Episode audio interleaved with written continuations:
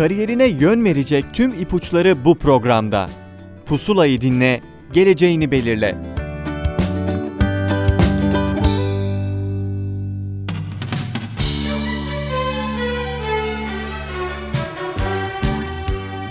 Merhaba sevgili dinleyenler, ben Adem Demirelli. Pusula'dan herkese merhaba. Yaşar Üniversitesi bölümlerini tanıdığımız ve bölüm başkanlarının konuk olduğu programımızda bu hafta bize rehberlik edecek olan konuğumuz Yaşar Üniversitesi İç Mimarlık ve Çevre Tasarımı Bölüm Başkanı Doçent Doktor Sayın Zeynep Tuna Ultap. Hocam hoş geldiniz. Hoş bulduk. Nasılsınız? Çok teşekkürler. Davetiniz için de teşekkür ederim. Ben asıl teşekkür ederim hocam kırmayıp konuk olduğunuz için hemen ben hız kaybetmeden başlamak istiyorum. Kısaca kendinizden bahseder misiniz bize? Tabii Orta Doğu Teknik Üniversitesi Mimarlık Bölümü 1999 lisans mezunuyum. Yine aynı üniversitede yüksek lisans çalışmalarımı, sonrasında Gazi Üniversitesi Mimarlık Bölümünde doktora çalışmalarımı tamamladım. E, mimarlık alanında bir ofiste ve sonrasında bir devlet bir vakıf üniversitesi olmak üzere e, mimarlık ve iç mimarlık bölümlerinde tam ve yarı zamanlı olmak üzere öğretim e, elemanı olarak görev aldım. 2014 yılından beri de Yaşar Üniversitesi Mimarlık Fakültesi İç Mimarlık ve Çevre Tasarım bölümünde bölüm başkanlığı ve iç mimarlık ana bilim dalı başkanlığı görevini yürütmekteyim. Şimdi öğrencilerin en çok dikkat ettiği şeylerden bir tanesi aslında bölümün ne kadar köklü olduğu ve ne zaman kurulduğu. Evet. Bizim okuldaki bölümümüz ne zaman kuruldu acaba? 2004 yılında kuruldu bölümümüz. Peki kontenjanı ne kadar? Kaç öğrenci alıyorsunuz bölüme? Aslında e, yıldan yıla değişmekle birlikte ben geçen seneki rakamı vereyim. 63 öğrenci aldık. Bunun 6'sı tam burslu, 3'ü %50 burslu, 20'si de %25 bursluydu. 2018 yılı içinde sayının yaklaşık aynı olacağını, 63 ila 70 arasında değişeceğini düşünüyorum. Aslında sizin de söylediğiniz gibi rakam bir hayli yüksek burslu öğrencilerin Evet. rakamı. Bir bölümü tercih edecek öğrencilerin belirli özelliklere sahip olması lazım. Evet. Bu bölümde nasıl özellikle öğrenciler arıyorsunuz siz? Aslında bize çok sorulan bir soru var aday öğrenciler arasında. Hocam yeteneğim yok ben bu bölümü yapabilir miyim sizce? Ee, buradan başlayıp cevap vermek istiyorum. Aslında tersten giderek yani neyin olmasının önemli olmadığı ile ilgili. Bizim bunda cevabımız çok net oluyor. Bölümdeki derdimiz tasarım yapabilme becerilerini geliştirmek. Bunun için de öğrencinin tabii yetenekten kastı bir objeyi ya da bir mekanı gördüğünde bunu kağıda çizim olarak aktarabilmek. Çizim bizim için bir araç ve bu aracın nasıl kullanılacağı konusundaki teknik donanımı, bilgiyi biz veriyoruz zaten. Tasarım becerilerini geliştirmek üzere de diğer teknik bilgileri de diğer derslerde veriyoruz. Yani aslında öğrencinin bilgi anlamında altyapısından çok bu konuya ilgi duyabileceğini ve kendini geliştirme motivasyonunu gören adaylar bizim daha çok hedefimiz. Ee, Yani sanat bilgisi olmayabilir ama bu konuda kendini donatmaya istekli olması önemli. Ya da bir öğrencinin mekana girdiğinde onunla ilgili fikir geliştirme, onu anlama isteği ve duyarlılığı olmasını bekliyoruz. Bunu geliştirmeye açık olmasını bekliyoruz. Bir de aslında tabii karakter özelliği de dediniz sabır gerektiren bir bölüm çünkü çok uzun saatler çalışma gerektiriyor eğitim hayatı boyunca. O da önemli. Siz de haklısınız hocam. Ben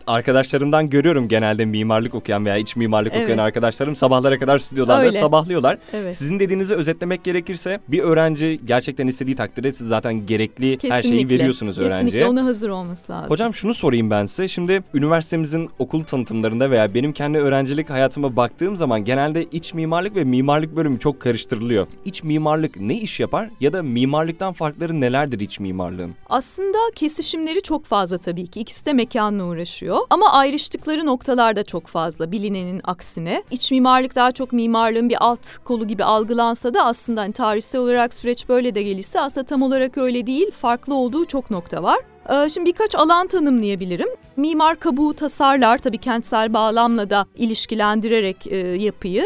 Hatta bazen ve çoğu zaman tipolojiye göre bu değişir. Ee, İç mekansal planlamayı da e, yapması gerekebilir. Ancak mimarın bıraktığı noktada içine iç mimar girer ve oradaki bütün iç mekansal düzenlemeleri, plan çözümlerini, yüzeylerin tasarlanması, mobilya seçimi, aydınlatmaya karar verilmesi seçimi, havalandırma gibi e, çevresel sistemlere ilişkin konulara karar verir, tekstil öğelerini seçer. İç mekanın detaylarını çözer. Aslında en ideali e, bina sıfırdan yapıldığında, yeni yapılan bir binada ikisinin mimarın ve iç mimarın birlikte projeye başlaması ve birlikte çalışmasıdır. İdeali budur. Şimdi bu bir örnek. Ee, Bunun dışında ama şöyle durumlar da vardır. Bina yapılalı yıllar geçmiştir ama çeşitli değişiklikler olmuştur. Neler olabilir bunlar? Kullanıcı değişmiş olabilir. Kullanıcının dolayısıyla ihtiyaçları değişmiş olabilir. Ee, Bu noktada da iç mekanda hani kabukta değişiklik gerekmese de iç mekanda kullanıcı ihtiyaçlarına yönelik düzenlemeler, yeni düzenlemeler gerekir. Ya da işlev değişmiştir. Kullanıcı değişmese bile ya da kullanıcı değiştiği için işlev değişmiş olabilir. Yine değişiklik gerekebilir. Ya da kullanıcı da değişmemiştir ama eskimiştir. Tadilat ihtiyacı var, yenilenmesine ihtiyacı vardır. Bu noktada da iç mimar girebilir işin içine. Bu programı dinleyen öğrenciler artık bu çelişkiye düşmeyecekler. Evet. Peki bölümünüzde yan dal veya çift ana dal yapma Evet. imkanı var mıdır? Evet var var. Özellikle öğrencilerimiz mimarlık bölümünde yan dal ya da çift ana dal yapmayı tercih ediyorlar. Ortak çok fazla dersimiz olduğu için ve çift ana dal yaptıklarında da mimarlık diploması alıyorlar. Çift ana dal için yaklaşık artı 20 ders alarak yan dal için de artı 12 ders alarak e, mimarlık için konuşuyorum tamamlayabiliyorlar. E, Ve yan dalı özel genellikle kendi lisans programlarını bitirdiklerinde bitirebiliyorlar. Çift ana dal için ise biz e, bir yıl daha fazladan okumalarını tavsiye ediyoruz. Bunun dışında üniversitenin diğer bölümlerinde de yapan öğrencilerimiz var. Dolayısıyla mümkün. Peki hocam e, Yaşar Üniversitesi iç mimarlık ve çevre tasarımını tercih eden bir öğrenciyi nasıl bir öğrenim hayatı bekliyor? Hangi dersleri görecekler mesela? Şimdi öncelikle temelde stüdyo dersleri var uygulamaya yönelik. Bu stüdyo derslerine destek veren diğer dersler mobilya tasarımı dersimiz var. Sunum ve dijital teknolojilere ilişkin dersler var. Tarih kuram dersleri var. Yapı malzeme bilgisi, yapı fiziği e, ve iç mekanın çevresini tasarladıkları işte akustik, havalandırma e, gibi sistemleri tasarladıkları dersler var ve enerji etkin tasarım modülleri altında çeşitli dersler sunuluyor. Ama her dönem stüdyo dersi var ve bu dönemdeki diğer derslerle de entegre şekilde yürütülen bu dersler sayesinde de bilginin akışkanlığını e, hedefliyoruz, sağlamaya çalışıyoruz. Hocam bir okulun öğrencilerini yurt dışına eğitim için yollaması gerçekten çok önemli bir olanak, çok güzel bir imkan. En çok bilinen programlardan bir tanesi de Erasmus programı aslında. Sizin Erasmus'a öğrenci yollama düzeyiniz nedir veya başka programlarla da yurt dışına eğitim için öğrenciyi yolluyor musunuz? Evet, e, zaten eğitim dili %100 İngilizce bölümümüzün. Bu yüzden bir problem yaşamıyor öğrencilerimiz gittiklerinde. Avrupa Birliği ülkelerindeki partner üniversitelerimizde bir ya da hatta bazen iki dönem giden öğrencilerimiz oluyor. Örnek vermek gerekirse nerelerle e, bağlantımız var? E, Yunanistan, Atina'da bir bağlantımız var. Özellikle orayla bağlantımız şöyle biz dördüncü sınıf öğrencilerimizi de e, birkaç kere alıp götürdük. Orada diğer öğrencilerle workshop yaptılar. Onların hocası bize geldi. E, Orada bayağı etkileşim halindeyiz üniversiteyle. Portekiz'de iki üniversiteyle, Slovenya'da bir üniversiteyle, İtalya'da Napoli ve Sassari'de iki üniversiteyle bağlantımız var. Macaristan'da var. E, Bunun yanı sıra mimarlık bölümünün partner olduğu üniversitelere de biz öğrenci gönderiyoruz. Bu dersleri de sayıyoruz. Bunun yanı sıra aslında staj hareketliliğine de olanak veriyor ve aslında çoğu öğrencimiz bunu da tercih ediyor. Bölümümüzdeki yabancı uyruklu öğretim elemanları yönlendiriyor bazen. Bazen öğrencilerimiz kendileri buluyorlar. Ya da öğrenci değişim programına gittiklerinde orada staj bağlantıları kurup devam ediyorlar. Biz de bunu destekliyoruz ve bölümdeki staj dersine denk sayıyoruz yaptığı staj pratiğini. Bunun yanı sıra ICEP diye bir program var. Erasmus Plus dışında aslında bu. Şimdi Erasmus bildiğiniz gibi hibe alarak e, Evet. giden bir değişim programı. Ama e, ICEP'te hibe yok ve Avrupa Birliği ülkeleri değil, dünyanın diğer coğrafi bölgelerindeki ülkeler, örneğin Amerika'da bağlantılarımız var. E, Buraya giden bir öğrencimiz oldu. Avustralya'da var, Uzak Doğu'da var, Güney Kore'de var. Bu da hibesiz gitmek isteyen öğrencimiz için de e, o üniversitenin ücretini ödemiyor. Bir anlaşmamız var. E, gidiyor kendi imkanlarıyla e, orada bir dönem, iki dönem eğitim alıp dönebiliyor. Hocam peki bölümün imkanlarından siz kısaca bahsettiniz aslında bir önceki sorumuzda. Bizim okulumuzdaki iç mimarlık bölümünde stüdyolar veya başka imkanlar var mıdır? Bölümün genel olarak imkanlarından biraz bahseder misiniz Tabii. öğrenciler için? Tabii aslında zaten e, stüdyolar bizim ana mekanlarımız, çalışma mekanları, stüdyo derslerinin ve diğer uygulamalı derslerin geçtiği mekanlar. Buna ek olarak aslında en altını çizmek istediğim YUMAK yani Yaşar Üniversitesi Maker Lab'in kısaltılmışı olarak tanımladığımız bir CAD/CAM atölyemiz var. Yaratıcı sayısal zanaatler üzerine çalışmalar yürütüyor bu atölye. Aynı zamanda bir araştırma laboratuvarı.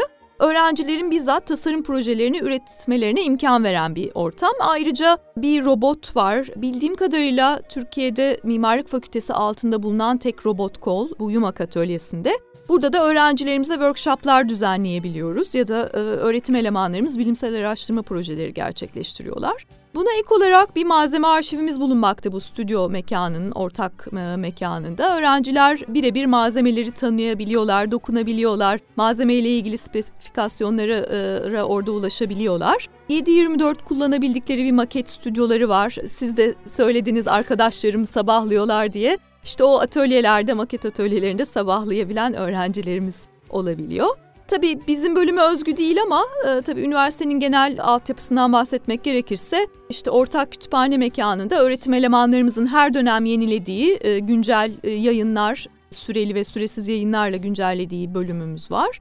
Ve şeyinde tabii altın çizmek isterim kampüsün keyifli peyzajı da önemli bir olanak diye düşünüyorum. Kesinlikle hocam aslında bu sadece kampüsümüzün imkanları sadece iç mimarlık için değil Evet. bütün öğrencilerimiz için çok güzel bir imkan aslında. Şunu da merak ediyorum hocam ben. Bir öğrenci olarak merak ediyorum aslında bunu. Ders dışında ne gibi etkinlikler düzenliyorsunuz? Bölümümüzün güçlü noktası olarak tanımlayabileceğimiz bir özelliği var. O da müfredat dışı etkinliklerin zenginliği. Biz buna çok önem veriyoruz. Hatta bunu şöyle açıklayabilirim. Yılda ara sınavlar bittikten sonra bir haftayı İnar Fest adını verdiğimiz bir etkinlik haftamız var. Ona ayırıyoruz. Yani dersler devam ediyor bir yandan. Ee, Ama bir yandan da esneklik sunuyoruz. Bir takım seminerler, atölye çalışmaları, geziler düzenliyoruz ve öğrencilerin kendi derslerinde olmasa bile diğer derslerin etkinliklerine katılma fırsatı veriyoruz. Dediğim gibi seminerlerle destekliyoruz. Ee, uygulamada yer alan ya da akademide yer alan profesyonellerin gelip sunumlar yaptığı pek çok sayıda seminerimiz var. Atölye çalışması her dönem mutlaka birkaç derste özellikle stüdyo derslerinde yer alıyor. Örneğin geçen dönemin İnar Fest'inden örnek vermem gerekirse sanal gerçeklik atölyesi, kil atölyesi, fotoğraf atölyesi, kurumsal kimlik atölyesi, e, beton kalıplama atölyesi gibi atölye çalışmaları gerçekleştirdik.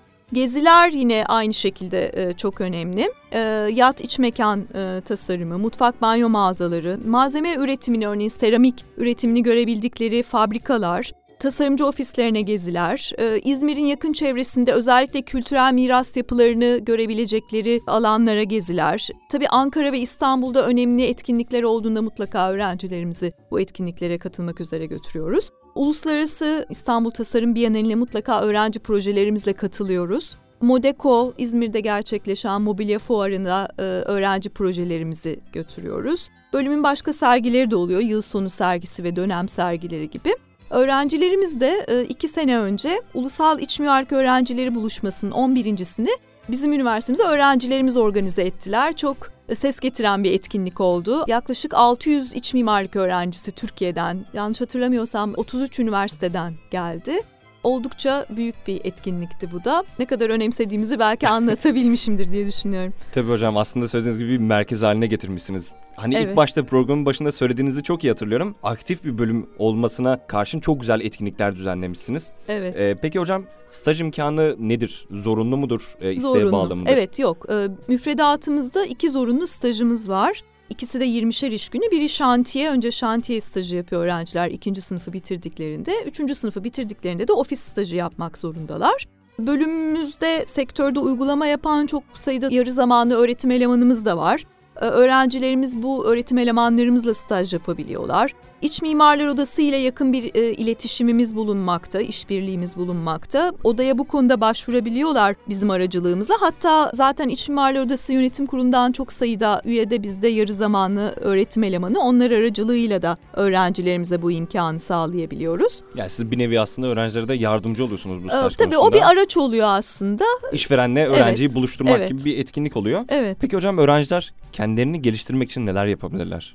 Özellikle güncel süreli tasarım yayınlarını yani dergileri takip etmelerine e, biz sıklıkla salık veriyoruz. Tasarım üzerine güncel paylaşımların yapıldığı web sitelerini mutlaka takip etmelerini ya da sosyal medya araçlarını takip etmelerini ve kendilerini güncel tutmalarını tavsiye ediyoruz. Görsel repertuarlarının gelişmesi de çok önemli. Çünkü bizim eğitimimiz şey değil işte bilgi burada al sonra işte nedir bize cevabını ver gibi bir eğitim değil daha çok yaparak yaşayarak öğrenmelerini gerektirecek e, bir eğitim olduğu için de bunu geliştirmeye çok ihtiyaçları var. Hem tarihi miras niteliğindeki yapılı çevreyi e, ziyaret etmeleri, incelemeleri, deneyimlemeleri, aynı zamanda tabii çağdaş iç mekan tasarımlarını da gezmelerini, kaydetmelerini öneriyoruz. Fuarları takip etmelerini öneriyoruz. Örneğin yapı fuarı, işte mobilya fuarı, mutfak banyo fuarı gibi kendi alanlarında. Tabii bunun yanı sıra sanat ve tasarımın çeşitli alanlarından da beslenmeleri lazım. Ee, sadece teknik bilgi değil ve ve sanat ve tasarım üzerine sergi ve etkinlikleri takip etmelerini öneriyoruz. Bunu da elimizden geldiğince öğrencilerimizle paylaşıyoruz. Zaman zaman birlikte gidiyoruz tabii. İmkanları varsa yurt dışı örneklerini bizzat yerinde incelemeleri de önemli. Peki hocam birçok soruda cevabını verdiniz aslında. Ben bir öğrenci olarak Yaşar Üniversitesi İç Mimarlık bölümünü neden tercih etmeliyim? Bunu geniş kapsamda bir özetleyebilir misiniz bizim için? Aslında öne çıkan şeylerden birisi her modüle göre uzmanlaşmış bir öğretim kadromuz var. Şimdi biraz önce dersleri anlatırken aslında modül kelimesini çok kullanmadım ama biz buna çok önem veriyoruz ve her bilgi alanlarını modül sistemleri altında tanımladık. Bu alanlar örneğin uygulama alanı, yapı alanı, tarih kurama alanı, sunum ve dijital teknolojiler alanı, tarihi çevre gibi çeşitli mobilya tasarım gibi çeşitli modüller var her modülde mutlaka alanında uzman tam zamanlı hocalarımız var. Bu modülleri destekleyecek o alanda çalışan araştırma görevlilerimiz var. Ve bu modüllerin altında tasarlanan da seçmeli ders havuzumuz var. Öğrenciler bu modülleri takip ederek danışmanlarının önerisi doğrultusunda bu alanlara yönelebiliyorlar. Dolayısıyla bilinçli e, yol alan bir öğrenci danışmanı eşliğinde tabii ki bir alanda uzmanlaşabiliyor. Yani hiçbir alan e, eksik kalmıyor diye düşünüyorum. Bir de bölümümüzü öne çıkaran iki önemli alan var. E, yeniden işlevlendirme ve enerji etkin tasarım. Bu alanlarda her iki alanda da çok sayıda zorunlu ve seçmeli dersimiz var. Türkiye'deki diğer iç mimarlık bölümlerinden bizi farklı kılan bir özellik. Yeniden işlevlendirme tarihi çevrede işlevini kaybetmiş yapıların yeniden iç mekan tasarımları üzerine çalışan e, bir kurgu. Enerji etkin tasarım ise günümüz için çok önemli. Bunu da iç mekanda özellikle az çalışılan bir konu. Ancak bizim bölümümüzde 3 tam zamanlı hocamız bu konuyu çalışarak ve pek çok seçmeli dersle de zorunlu dersleri besleyerek burada da geniş bir açılımımız var. Dediğim gibi tekrarlamak gerekirse dersleri destekleyen etkinliklerimiz çok odak noktamızda. Bu bizi farklı kılıyor diye düşünüyorum. Mimarlık fakültesi altında olmak farklılık yaratıyor. Türkiye'de iç mimarlık ya da iç mimarlık ve çevre tasarım bölümleri mimarlık fakültesi altında çok az sayıda var. Güzel sanatlarda olabiliyor sanat tasarım fakültelerinde. Biz mimarlık bölümüyle oldukça yakın bir etkileşim içindeyiz. Çift anadal yandalı söylemiştim zaten ama onun yanı sıra bir seçmeli ders havuzumuz var. Öğrencilerimiz mimarlık bölümünden seçmeli ders alabiliyorlar, onların etkinliklerine katılabiliyorlar, mimarlık öğretim elemanlarından ders alabiliyorlar. Dolayısıyla e, bu da onlara bir avantaj sağlıyor.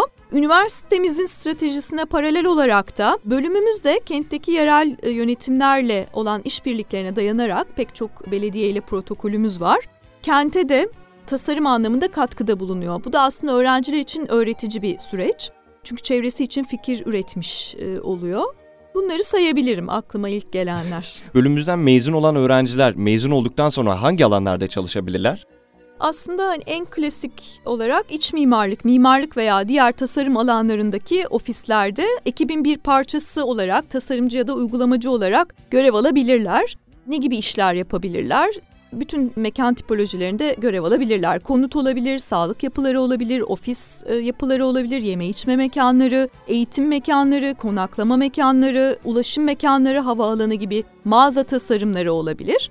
Ama bunun yanı sıra başka sektörlerde de aslında şimdi benim bu tanımladığım en konvansiyonel olanı iç mimari tasarım yapabilirler. Yani bir yapının, mimarın tasarladığı bir yapının iç mekanını tasarlama ve uygulama süreçlerinde yer alabilirler. Bunun yanı sıra diğer alanlar da var aslında. Fuar standı tasarımı, mobilya tasarımı, sergi sahne tasarımı, aydınlatma tasarımı, yat iç mekanları tasarımı, vitrin tasarımı ya da kurumsal kimlik tasarımı gibi özelleşmek isterlerse ki biz öğretim planımızda da bu alanlara da açılım sağlıyoruz. Özelleştikleri bu konularda da çalışabilirler. Bunun yanı sıra ben hani ilk tanımda ofislerde bir tasarımcı olarak ya da uygulamacı olarak çalışabilirler demiştim. Serbest iç mimarlık ve çevre tasarımı kendileri bu hizmeti vermeyi de tercih edebilirler. Kendi ofislerini açarak tasarım ve uygulama pratiğini gerçekleştirebilirler. Hatta ek olarak danışmanlık da verebilirler bu konuda. Aynı zamanda belediyeler ve bakanlıklar gibi kurumlarda, kamu sektöründe yani gereksinim olan iç mimar kadrolarında idari veya teknik eleman olarak görev alabilirler. Mutfak, banyo, aydınlatma, mobilya donatıları gibi firmalarda tasarımcı, uygulamacı ya da satış elemanı kontrolör olarak görev alabilirler. Tabii her alanda olduğu gibi kuramsal yatkınlığı olan ya da araştırmayı seven, akademiye yönelmeyi tercih eden iç mimarlar da üniversitelerde öğretim elemanı olarak eğitimci ya da araştırmacı olarak yer alabilirler. Ben cevaplarınız ve katılımınız için çok teşekkür ediyorum size. E, değerli dinleyenler pusulanın sonuna geldik. Haftaya başka bir bölümde görüşmek üzere. Hoşçakalın.